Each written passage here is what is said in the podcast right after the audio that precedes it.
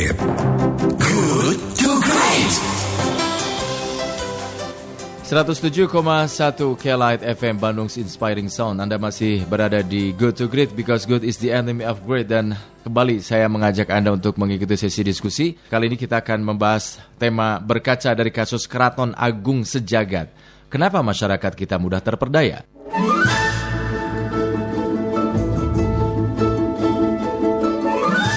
Beberapa hari belakangan ini viral seputar Keraton Agung Sejagat di Purworejo, Jawa Tengah. Keraton itu ramai di media sosial karena pimpinannya Toto Santosa yang bergelar Rakai Mataram Agung Jaya Kusuma Wangsa Sanjaya beserta ratusan pengikutnya mengadakan acara Wilojengan dan Kirap Budaya pada Jumat 10 Januari 2020 sampai Minggu 12 Januari 2020 lalu. Nah, pimpinan keraton menegaskan Keraton Agung Sejagat merupakan kerajaan atau kekaisaran dunia yang muncul karena telah berakhirnya perjanjian 500 tahun lalu. Terhitung sejak hilangnya ke Maharajaan Nusantara yaitu Imperium Majapahit pada 1518 sampai 2018. Wah, ini luar biasa ya.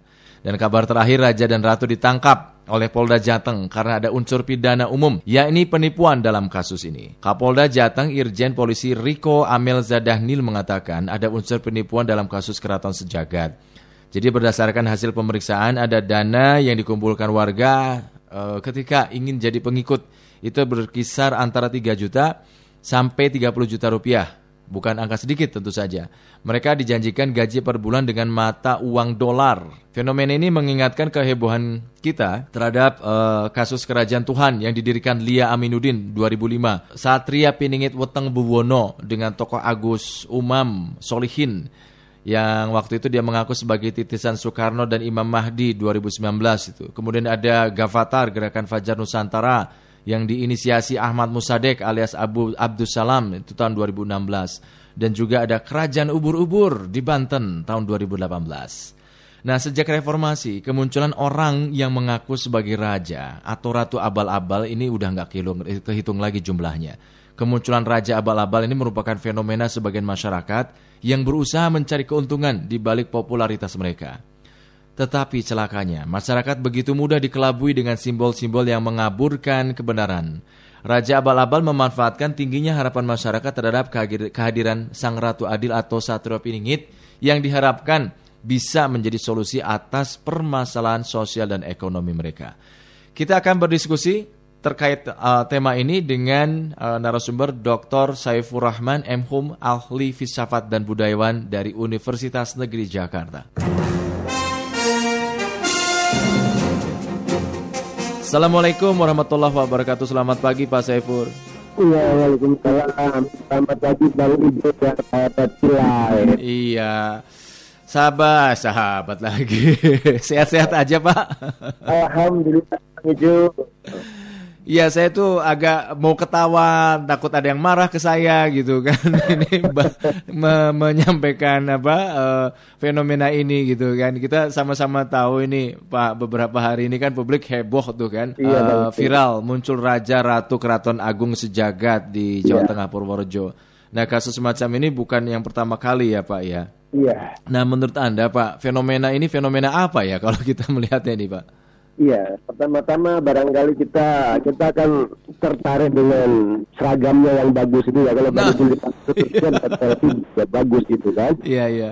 Ya, sehingga dari seragamnya yang kayak tentara dengan ada kuning emas, ada topi dan sebagainya mengingatkan pada raja-raja pada tempo dulu. Iya. Kendati begitu ada tiga hal yang perlu kita pahami secara serius dari kasus ini, dari kerajaan agung ini.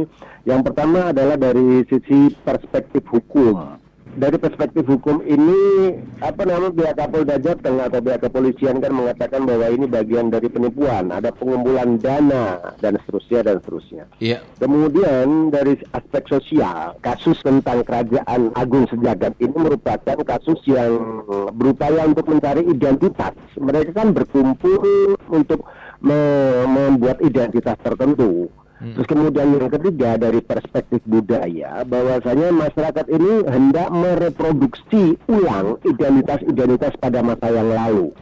Sehingga kalau kita melihat dari tiga perspektif ini, mestinya mestinya pemerintah tidak sekadar untuk menjalankan perspektif hukum saja di ya ini ada penipuan karena ini ada penipuan ya, kita sikat saja kita masukin masukin bui saja beres begitu. Ya. Tapi ternyata persoalannya tidak semudah itu. Bang Ujul. Iya. Kenapa? Karena ada perspektif sosial ini kan soal identitas. Bagaimana orang-orang kok bisa mau ke sana? Terus kemudian kenapa? Apa landasan-landasan landasan rasional sehingga mereka mau untuk untuk masuk di dalam identitas tersebut?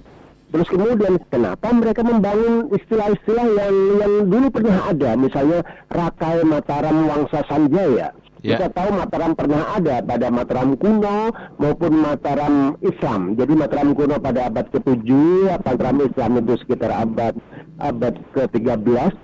Sehingga kalau kita melihat ini kan ada ada rentang sejarah yang mau direproduksi ulang Bang Ejul. Iya. Dan kita harus melihat dari sisi itu dong, jangan sampai kita melihat bahwa ini semata-mata sebagai bagian dari wah ini kelainan ini kelainan ini. Sehingga kita masukin ke dalam penjara, masukin bui selesai. Bukan. Pemerintah harus melihat dari tiga perspektif itu.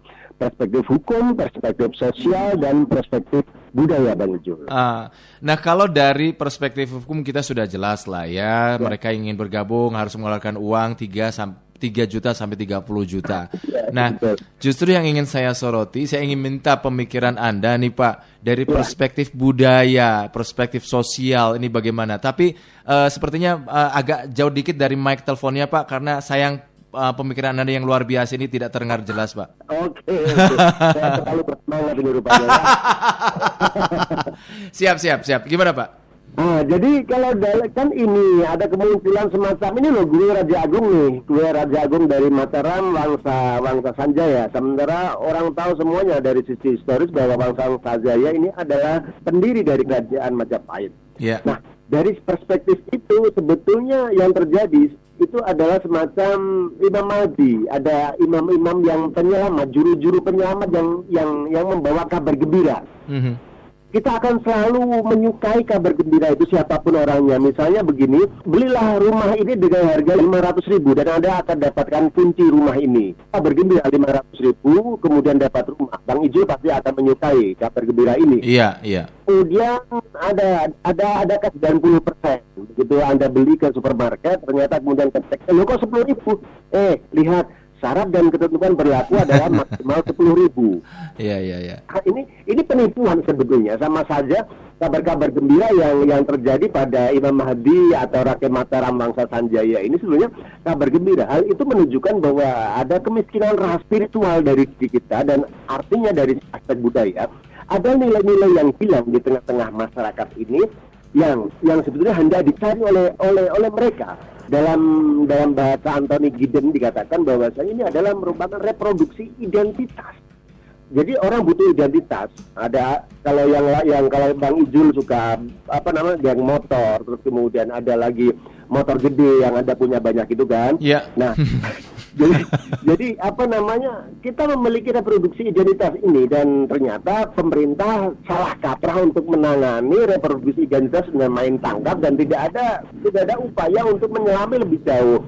What is the problem, the fundamental problem of this discourse of social? Jadi ini tidak ada persoalan-persoalan sosialnya apa sih ya begitu sebetulnya ini kan yang perlu perlu di, ditelusuri lebih jauh begitu. Iya, iya, iya. Nah, ketika kita bicara kemiskinan rasio, kemiskinan eh, spiritual, itu akhirnya membuat masyarakat mudah larut ya di dalamnya ya. iya. Jadi betul ini pertanyaan bagus Bang Ijul. Jadi sebetulnya lah ini kan kemudian ada kemiskinan rasionalitas, kemiskinan akal sehat, kemiskinan akal budi. Jadi orang-orang yang ada yang, yang di sana yang pengajar filsafat yang lain bilang akal sehat, tapi harus ada akal budi, Mas. Hmm. Jadi harus ada akal budi. Jadi yang selama ini hanya mementingkan akal sehat, mementingkan merasionalitas, tapi tidak mementingkan satu identitas yang dinamakan dengan akal budi. Di sehingga yang terjadi adalah adalah mereka melakukan reproduksi ulang identitas itu. Dengan reproduksi ulang, maka kemudian dia punya identitas baru. Ini loh Wangsa Sanjaya, ini loh Raja Raja Mataram, raja yang ganteng dan dan cantik itu saya rasa itu sangat-sangat memikat kita. Tapi persoalan-persoalan jangan janganlah menggunakan pendekatan hukum semata. Kita ajak diskusi itu sebetulnya maunya apa begitu. Terus kemudian kita sebenarnya arahnya tahu bahwa nilai-nilai kebangsaan Indonesia sebetulnya kan sudah ada nilai kepancasilaan itu, ada ketuhanan, ada kemanusiaan, ada persatuan, ada ada musyawarah dan ada keadilan sosial. Saya rasa nilai-nilai ini yang perlu dikembangkan. Saya merekomendasikan kepada pemerintah untuk mengembangkan nilai-nilai yang hilang di masyarakat Purworejo ini. Karena kalau kita ambil hukum penjara masuk penjara 15 hari atas kasus penipuan, kekerasan masyarakat dan sebagainya, keluar dia akan mengendap-endap Iya, iya. di tempat lain, di tempat-tempat lain juga akan melakukan hal itu dan ini sangat sangat ironis. Kita budaya kita, identitas kita menjadi hilang begitu, Bang Ijul. Iya. Nah, ini Anda melihatnya peran negara hadir apakah hanya dalam aspek hukumnya saja sehingga aspek sosial, aspek budayanya di seolah dilupakan, tidak terlalu difokuskan. Anda melihatnya bagaimana, Pak? Nah, itu dia pertanyaan yang cerdas. Jadi tiga aspek itu yang hanya hanya disoroti itu hanya soal hukum saja. Mereka hanya pengen main bersih aja. Itu itu ada seragam coklat datang aja ke sana intelijen, datang ke sana terus kemudian ambil pasal-pasal yang kira-kira apa pidana umum sehingga kita bisa mencokok dia, masukin ke polis, masukin ke penjara. Nanti 15 lagi 15 hari kan kepalanya bingung. Di penjara itu makannya pakai nasi dan sebagainya yang yang sederhana mereka akan bingung begitu. Jadi jadi terapi mereka adalah terapi fisik. Yang perlu diingat oleh pemerintah adalah terapi yang bersifat non psikis, non fisik ya, bersifat psikis maupun spiritual. Terapi inilah yang tidak perlu tidak tidak terjadi di tengah-tengah masyarakat ini. Mestinya mestinya pemerintah itu apa namanya sebelum pendekatan hukum itu kita ajak dialog. Di sana kan ada ada institusi-institusi yang yang menangani ada bupatinya, ada camatnya. Bagaimana sih mereka melakukan penanganan yang bersifat dialogis? Yang bersifat partisipatoris. Apakah jangan-jangan dia habis habis apa namanya habis habis melakukan aksi-aksi politik itu kemudian tidak tidak mendapatkan tempat atau bagaimana. Jadi hal yang utama ad adalah menelusuri motif-motif pokok yang bersifat identitas, reproduksi identitas ini. Kemudian kita harus menemukan kalau kita tidak menemukan, maka kita memotong rumput seperti daunnya saja. Kita memotong rumput tapi tidak tidak mengambil akarnya. Hmm. Sehingga yang terjadi adalah rumputnya memang kelihatan tampak tampak adem ayem saja, tampak rata saja, tampak bagus seperti, seperti karpet, tetapi kemudian dia akan tumbuh lagi, tumbuh lagi, tumbuh lagi. Sama halnya, sama halnya ini Bang Ijul bahwasanya yeah. pendapatan pendapat tentang agama tanpa spiritualitas yang ada hanya adalah sweeping, sweeping alkohol, prostitusi, sweeping apa perusahaan kaca, perusahaan ini dan itu. Jadi agama, agama tanpa spiritualitas hasilnya adalah kerusuhan. Kita lihat bahwasanya apa sih penyebab kerusuhan yang terjadi pada institusi-institusi atau organisasi sosial yang selama ini mengatasnamakan agama, tetapi malah membuat instabilitas sosial. Hmm. Demikian pun ini kan ekstrim kanan nih, ekstrim kanan. Ekstrim kanan itu orang-orang yang terlalu terlalu radikalis menganggap semuanya harus berasal dari Tuhan. Sementara yeah. ekstrim kiri mengatakan bahwasanya bukan seperti itu. Inilah ada komunisme dan sebagainya. Saya rasa yang ekstrim kanan, ekstrim kiri ini marilah kita kita mulai berpikir ulang membangun ke identitas keindonesiaan kita gitu Bang Ijo. Yeah. Nah, Pak, ini kan kalau kasus ini ya jadi bagian story, bagian kasus yang juga sebelumnya ada kasus-kasus yang lain. Apakah reproduksi identitas ini hanya berupa terwakili dari kasus-kasus seperti ini, uh, seperti uh, apa uh, pengakuan-pengakuan tadi um, Rakai Mataram Agung Jaya, kemudian kasus sebelumnya gitu loh, ataukah ya. ada dalam bentuk yang lain uh, berkaitan dengan reproduksi identitas? Saya rasa reproduksi, ya pertanyaan yang sangat bagus saya rasa. Jadi apakah ada bentuk-bentuk lain yang yang akan akan muncul pada masa yang tentu saja akan muncul banyak. Kalau dengan syarat dan ketentuan, kita kan selalu akan pakai syarat dan ketentuan. Ditulis kecil banget gitu kan. Hmm. Ya, kita supaya kita memperhatikan. Jadi dengan syarat dan ketentuan bahwa kita tidak memiliki kepenuhan nilai kepenuhan nilai. Mereka adalah orang-orang yang terbuang secara politik maupun ekonomi maupun sosial. Kalau soal penipuan tentu saja banyak, tapi mereka bahwa secara identitas, secara sosial mereka terbuang dari identitas, teralienasi. Kalau dikatakan bahwasanya, apakah nanti akan ada reproduksi yang lain dalam konteks identitas? Tentu saja pada masa yang akan datang akan ada, akan ada. Ketika Hizbut Tahrir di, dibasmi begitu, orang-orang membentuk dalam bentuk yang lain-lain, karena orangnya masih ada, karena ideologinya masih ada, karena komunitasnya masih ada. Hmm. Jadi ibaratnya kalau kerajaan agung itu dilarang, mah kan muncul kerajaan agung yang lain. Hizbut Tahrir dilarang, akan muncul apa namanya Hizbut Tahrir yang lain. Terus organisasi front-front apa lagi yang mau dilarang misalnya, misalnya ya mas, ya, iya. misalnya nanti apa repot nanti urusannya. nah itu front-front itu nanti juga ada akan front-front yang lain begitu sehingga ini ini ini memerlukan satu pemenuhan identitas. Politik identitas dari pemerintah kebijakan dari identitas dari pemerintah perlu digalakkan lagi. Jangan hanya membayangkan sebuah politik jalan tol politik bikin KRL politik bikin jembatan dan sebagainya. Itu itu sudah sudah masa lampau sekali. Jadi marilah kita membuat politik ulang mereka ulang keindonesiaan kita sebagai suatu politik identitas kita. Saya rasa inilah yang selama ini kurang selain kita membangun jalan tol itu Bang Ijul. Iya. Lalu bagaimana Mas negara hadir untuk menyingkapi hal-hal semacam ini? Ya, saya rasa memang memang yang terjadi dalam kelemahan kita ini kan sebetulnya kita selalu merasa bahwa uh, Indonesia ini ada tetapi dalam sejauh dalam imajinasi saya begitu. Saya mengimajinasikan Indonesia seperti halnya kerajaan-kerajaan Iran, kerajaan apa namanya? Apa modelnya pokoknya Iran begitu lah. Uh. Kalau tidak Iran apa Irak. Hmm. Modelnya bagaimana yang yang ber apa namanya menggunakan dress code dan yang begini. Hmm. Dress code yang model-model mereka, bukan dress code yang kita. Nah, yang terjadi selama ini mulai terjadi ada ekstremitas, ekstremitas. Ekstremitas itu bukan sesuatu yang bersifat sifat apa namanya gaya begitu, so, gaya. Eh, ini identitas-identitas yang semacam inilah yang menurut saya perlu di perlu disikat habis dalam tanda kutip ya, perlu disikat habis. Jangan sampai identitas-identitas ini merupakan identitas paten yang pada masa itu sebetulnya sudah sudah dihabisi oleh oleh pemerintah pemerintah saya yang lalu sekarang malah malah timbul lagi menjadi bagian identitas yang yang yang menjambur pada masa sekarang ini. Ketika BP7 dihilangkan, terus kemudian P4 dihilangkan, kemudian konsep-konsep doktrinasi ideologi pada tahun 99 itu dihilangkan. Mungkin pada 99 ini kan Bang Ijul baru lahir kan. jadi, sekarang ini baru umur 20 eh 20 kan. Jadi, persis, persis.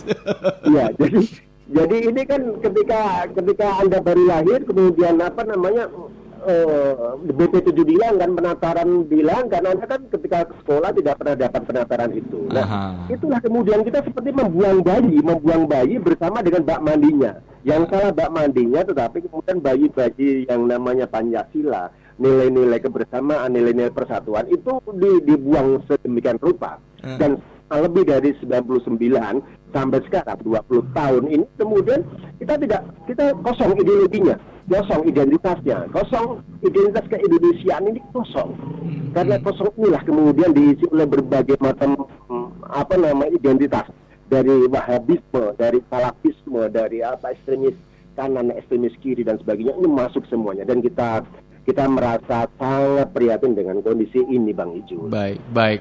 Pak Saifur Rahman, terima kasih atas pemikiran Anda yang luar biasa. Sama-sama Bang Iju. Selamat, selamat pagi, selamat beraktivitas, sukses selalu ya Pak. Demikian sahabat kelat Dr. Saifur Rahman M. Hum, ahli filsafat dan budayawan dari Universitas Negeri Jakarta. Jadi ada beberapa hal yang bisa kita ambil. Jadi ada tiga hal dari atas kasus ini. Yang pertama perspektif hukum. Ini karena bagian dari penipuan. Kemudian aspek sosial. Ini merupakan uh, upaya untuk mencari identitas dan uh, perspektif budaya. Ini hal hendak mereproduksi ulang identitas-identitas masa lalu. Kenapa ini bisa terjadi? Karena kemiskinan rasio dan spiritual ada dalam masyarakat masyarakat. Ada nilai-nilai yang hilang yang hendak dicari oleh pelaku dan inilah yang akhirnya memunculkan reproduksi identitas di mana akan muncul dalam bentuk-bentuk yang lain karena tidak memiliki kepenuhan nilai-nilai sosial dan juga spiritual. Good to great. Good.